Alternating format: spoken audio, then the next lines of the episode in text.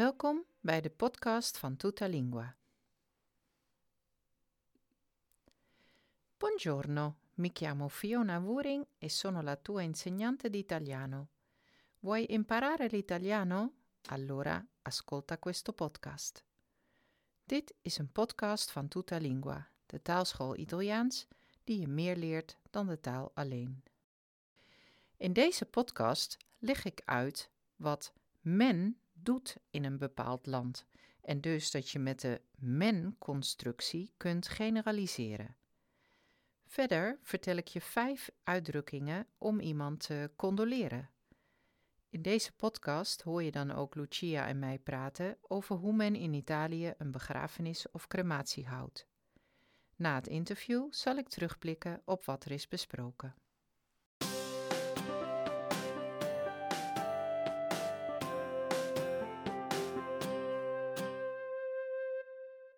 De si impersonale, oftewel de men-vorm.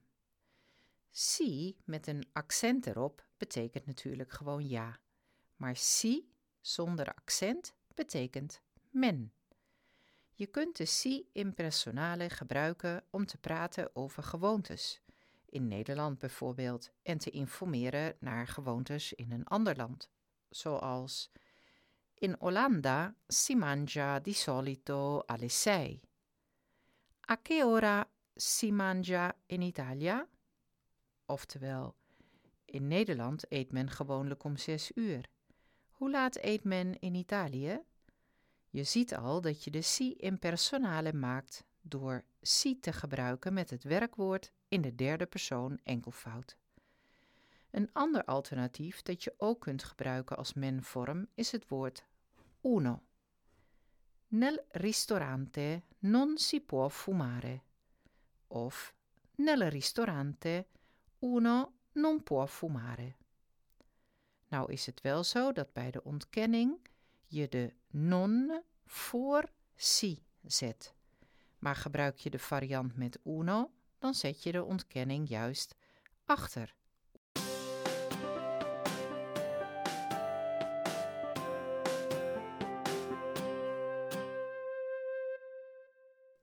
Ik onderbreek even deze podcast omdat ik je een vraag wil stellen. Vond je deze uitleg over de grammatica duidelijk? Deze komt rechtstreeks uit de e-learning cursus Italiaans voor Intermediates. Denk je nu, ik wil toch wel echt Italiaans leren en wil je dit graag in je eigen tempo doen? Dan is mijn e-learning cursus echt iets voor jou. Er zijn drie niveaus beschikbaar. Absolute Beginner, niveau A1, de A1.2, ofwel de vervolgcursus, en de cursus voor Intermediates, de A2-cursus. Dit in combinatie met een memo-trainer die van jouw fouten leert en je dagelijks je eigen fouten weer teruggeeft, zorgt ervoor dat je bij deze cursus fouten mag maken. Want des te meer fouten, des te meer herhalingsstof die je kunt oefenen. Ga dan naar www.tutalingua.nl en klik op het kopje Online cursus Italiaans. Klik vervolgens op het woordje demo en je kan de demo gratis 10 dagen uitproberen en je kan zelf zien of deze mooie lesmethode bij je past. Heb je vragen aan mij over bepaalde oefeningen tijdens de cursus? Dan kan je via het vraagteken mij vragen stellen. Ik ben dus net zo aanwezig voor mijn cursisten online als offline. En dan gaan we nu terug naar de podcast.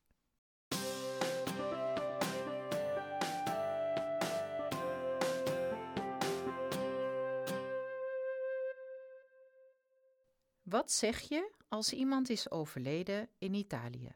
Vijf zinnen om iemand te condoleren. Le mie più sincere condoglianze. Vi sono vicino in questo momento. Un pensiero di conforto per la famiglia. Vi siamo vicini nel dolore vogliate accettare il nostro cordoglio. Dat zijn de vijf zinnen die je zou kunnen gebruiken wanneer je iemand wilt condoleren.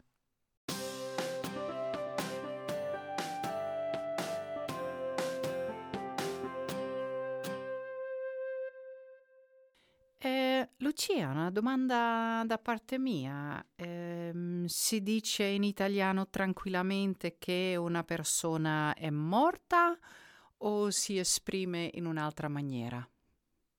In italiano per esprimere il fatto che qualcuno è morto, quindi non, ve- non è più in vita. Eh, in Italia viene spesso evitata la parola morto perché è un po' cruda come parola e quindi si usano degli eufemismi per spiegare che questa persona non c'è più. Ad esempio, diciamo, questa persona è deceduta, per- un uomo è deceduto, una donna è deceduta, eh, oppure si è spento come una candela ha perso la vita, ci ha lasciato. Quindi, oppure eh, se n'è andato. E eh, ad esempio per persone che hanno avuto molte sofferenze prima di arrivare alla fine, è passato o è passata a miglior vita. Dopo le sofferenze arriva la serenità del riposo.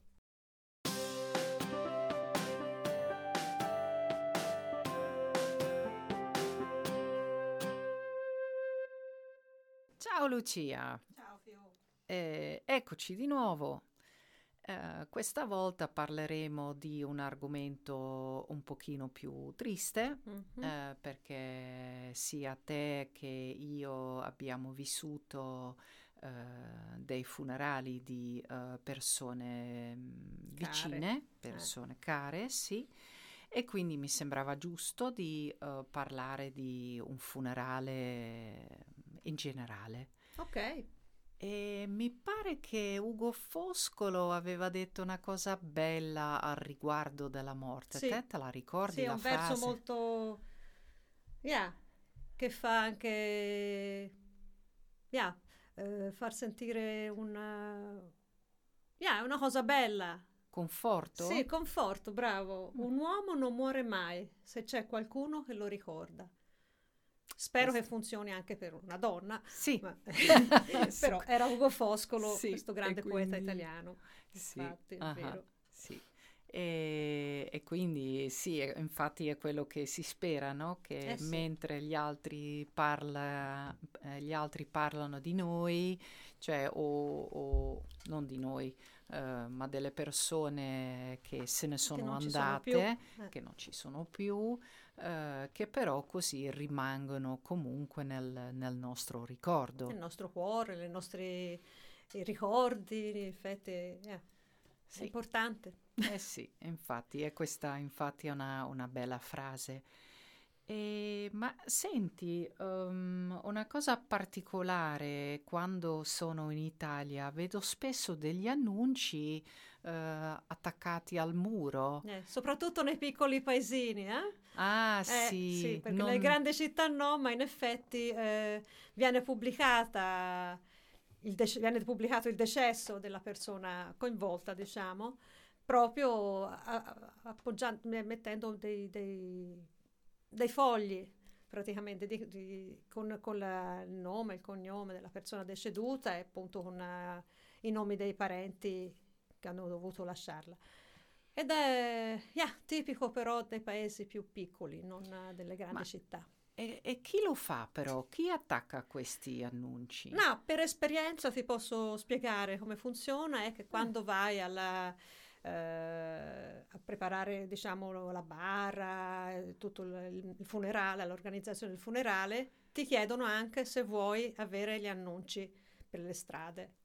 E quindi uno può scegliere sì, voglio che tutti lo vedano e altri dicono no, come ho fatto io con la mia sorella non, non, ci interessava mettere in piazza e invece eh, alcune persone ci tengono molto a ricordare questa persona su tutti i muri del paese.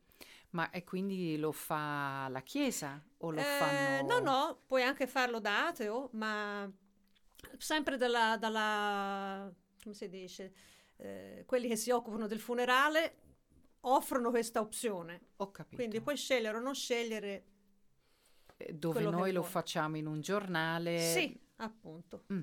Così uno può dire no, non mi interessa pubblicarlo sul giornale e invece alcuni vogliono appunto ricordare anche non uno, ma tante persone ricordano una persona, eh, ad esempio, soprattutto se sono persone un po' importanti, diciamo, conosciute, sì. attore, una, un politico, un politico uh-huh.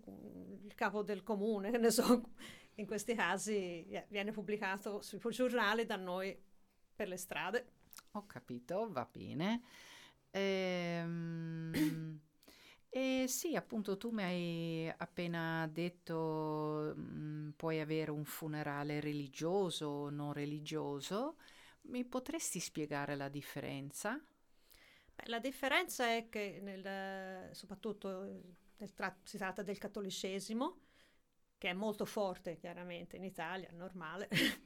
e, mh, mm, e quelle, quello religioso è una, un rito fisso anche a partire dal modo di suonare le campane, si dice alla campana morto, vuol dire quindi già quello fa capire che cosa è successo, eh, la, la cerimonia è abbastanza breve all'interno della chiesa, eh, c'è chi magari mette, fa sentire un, un, organo o altri no, quindi opzionale, e yeah, praticamente non, ehm, non c'è come qui in Olanda la possibilità di esprimere il proprio dolore di persona, quindi, oppure di raccontare un aneddoto, di ricordare com'era questa persona, se era una persona timida, se era una persona estroversa, eh, e gli amici qui in Olanda parlano, la famiglia parla su come erano, magari con musica, foto, eccetera.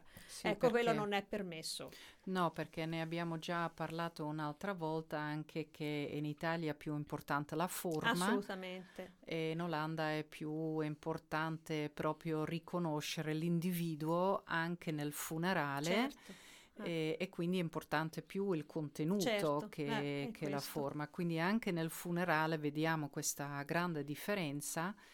Sì, c'è un, proprio una, un modo di seguire tutto il rito religioso, però non c'è spazio per nient'altro. No, e, e però mi sembra di capire che questo rito religioso è proprio questo rito che ti dà eh, il conforto perché per il fatto certo. che una cosa uh, procede sempre nella Nello stessa modo, modo certo, è fisso.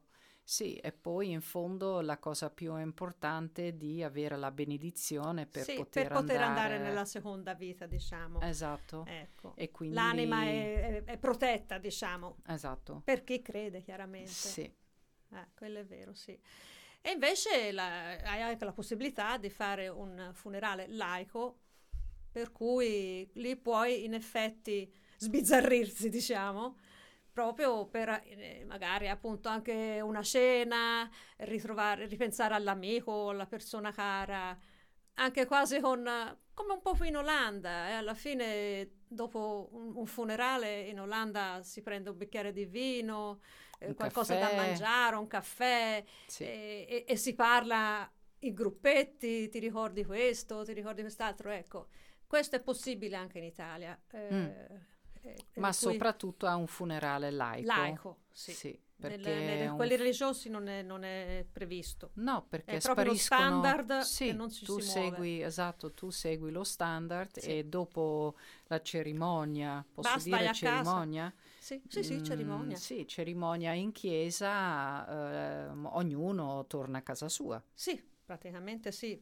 Di solito è visto che viene fatto in una chiesa eh, il funerale religioso, c'è anche il trasporto con la macchina, che, con il, la, la, la bara dentro e tutti, se sono nei paesini, vanno a piedi dietro alla macchina. Esatto. Altrimenti vanno tutti da, con, le proprie, con le proprie possibilità al cimitero e lì viene sepolta la persona. Eh, che però in, nel mio caso personale eh, questo succedeva dopo una settimana. Eh, da noi è abbastanza veloce. Ah. Cioè c'era prima la cerimonia in chiesa e dopo una settimana c'era eh, la cremazione nel, nel mio caso. Eh. Sì. Eh, no. La- quando viene sepolta una persona, eh, di solito fanno molto veloce. Mm. Ok. Ne- Della quindi- serie, ho- il massimo che ho, ho potuto avere tra il momento del- della morte, diciamo, e, e il giorno in cui è stato sepolto, tre giorni, ma proprio massimo perché aspettavamo altre persone che dovevano venire Mm, dall'estero. Dall'estero. E quindi sì, di solito penso anche per il clima che non, non- non- non stanno tanto a aspettare. No, no, eh, infatti. Ok, ehm, sì, è un argomento triste, sì, ehm, però è interessante anche anche per le persone che sono curiose di sapere come si deve comportare, ad esempio, esatto, se non conosce il, il rito. e- il rito, eh. sì. E no, infatti la cosa che io ho osservato, soprattutto nel, ehm, eh, nella cosa religiosa, eh, che era appunto questa, questa forma, il prete che parlava e nessuno, nessun altro diceva niente e- ed era solo una cosa del prete verso, ehm, verso la deceduta. Certo. e- Ma è buffo basta. anche sto- questo fatto che, ad esempio, anche per un matrimonio, il massimo che gli sposi dicono è sì, ti voglio come mio sposo, sì, ti voglio come mia sposa, ma il prete è quello.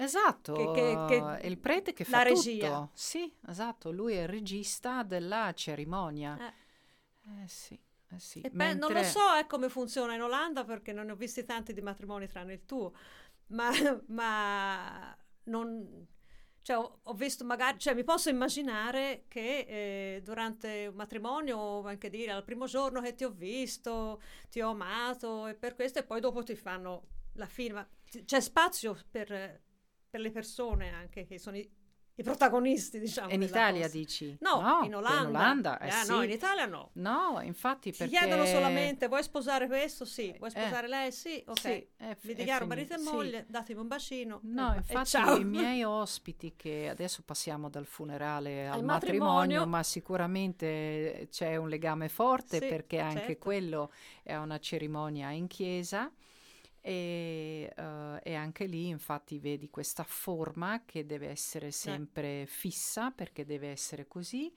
Mentre i miei ospiti italiani che c'erano al mio matrimonio mi hanno detto "Eh, che bello poter eh, organizzare più libero, tutto, eh, infatti, decidere tu certo. che hai fatto leggere alla Lucia qualcosa Yeah. che sì, che tu Con il mascara permanente. Esatto, perché se no non eri capace. Però sì, infatti siamo sempre lì, è perché è più personale, perché noi vogliamo... È speciale per te, Sì, perché che de- sia la morte o che sia... sia il matrimonio, Certo, ma in eh. Olanda vogliamo dare un, ehm, un'idea personale, individuale della, Della della persona, coppia o della della co- beh, sì. persona, mentre sì, ehm, la stessa conclusione per il funerale, la forma è la cosa che eh, è più importante. Sì, anche solamente ad esempio nel matrimonio in chiesa, eh, yeah, salta, dice, ehi, ancora, o c'hai l'Ave Maria di Schubert o c'hai qualcos'altro di simile, però non è che puoi metterti tipo dire, guarda, i miei amici mi suonano una canzone No, rock, ad No, esempio. no, anzi mi sembra che l'Ave Maria sia proprio Eh. dovuta. Certo. Sì. E ci sono proprio delle cose un po' fisse. fisse, sì. Ehm, invece, ehm, eh, se torniamo eh, al discorso del, del funerale, e quindi sì, in questo podcast eh, ho anche parlato del sì in personale e allora concludendo che cosa possiamo dire sul funerale in Italia? In Italia sì, Si celebra il rito funerario eh, in chiesa eh, e secondo il rito classico è sempre quello per, la, eh, per la- l'estremo addio, diciamo, della persona. ok. Grazie Lucia Prego, per questa alla conclusione. Alla prossima sicuramente un altro con argomento. Un argomento più felice, Sì, un argomento Fa un parte della vita fa- anche la morte. eh? È vero, Quindi, è vero. così. Sì, esatto. Ciao. Ciao, Dui ciao, dui. ciao.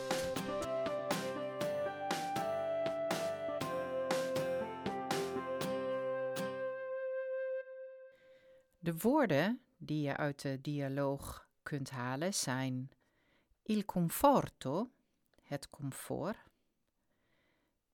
il poeta, de dichter, il ricordo, de herinnering, un annuncio, een advertentie, un paesino, een dorpje, il decesso is het overlijden, la bara, de kist, un aneddoto, een anekdote, un ateo, een atheïst, un laico, seculier, seppellire, begraven, spazio, ruimte, la benedizione, de zegening, estremo addio, het laatste afscheid. Hebben jullie begrepen dat de vorm belangrijk is bij de religieuze begrafenis, maar dat bij een onkerkelijke, maar dat bij een onkerkelijke begrafenis er veel meer persoonlijke invulling mag worden gegeven aan een begrafenis? Dat ze in kleine dorpjes de aankondiging van de begrafenis laten zien door deze op een muur te plakken. Dat de uitdrukking mettere in piazza niet letterlijk bedoeld is, maar ze hiermee bedoelt dat ze iets wil laten weten aan iedereen. De uitdrukking la campana a morto is een bepaalde klank, waardoor iedereen weet dat er iemand is overleden. En deze klank komt natuurlijk uit eh, ja, de bel, uit la campana. En passare alla seconda vita, een eufemisme voor het eh, overgaan naar de dood.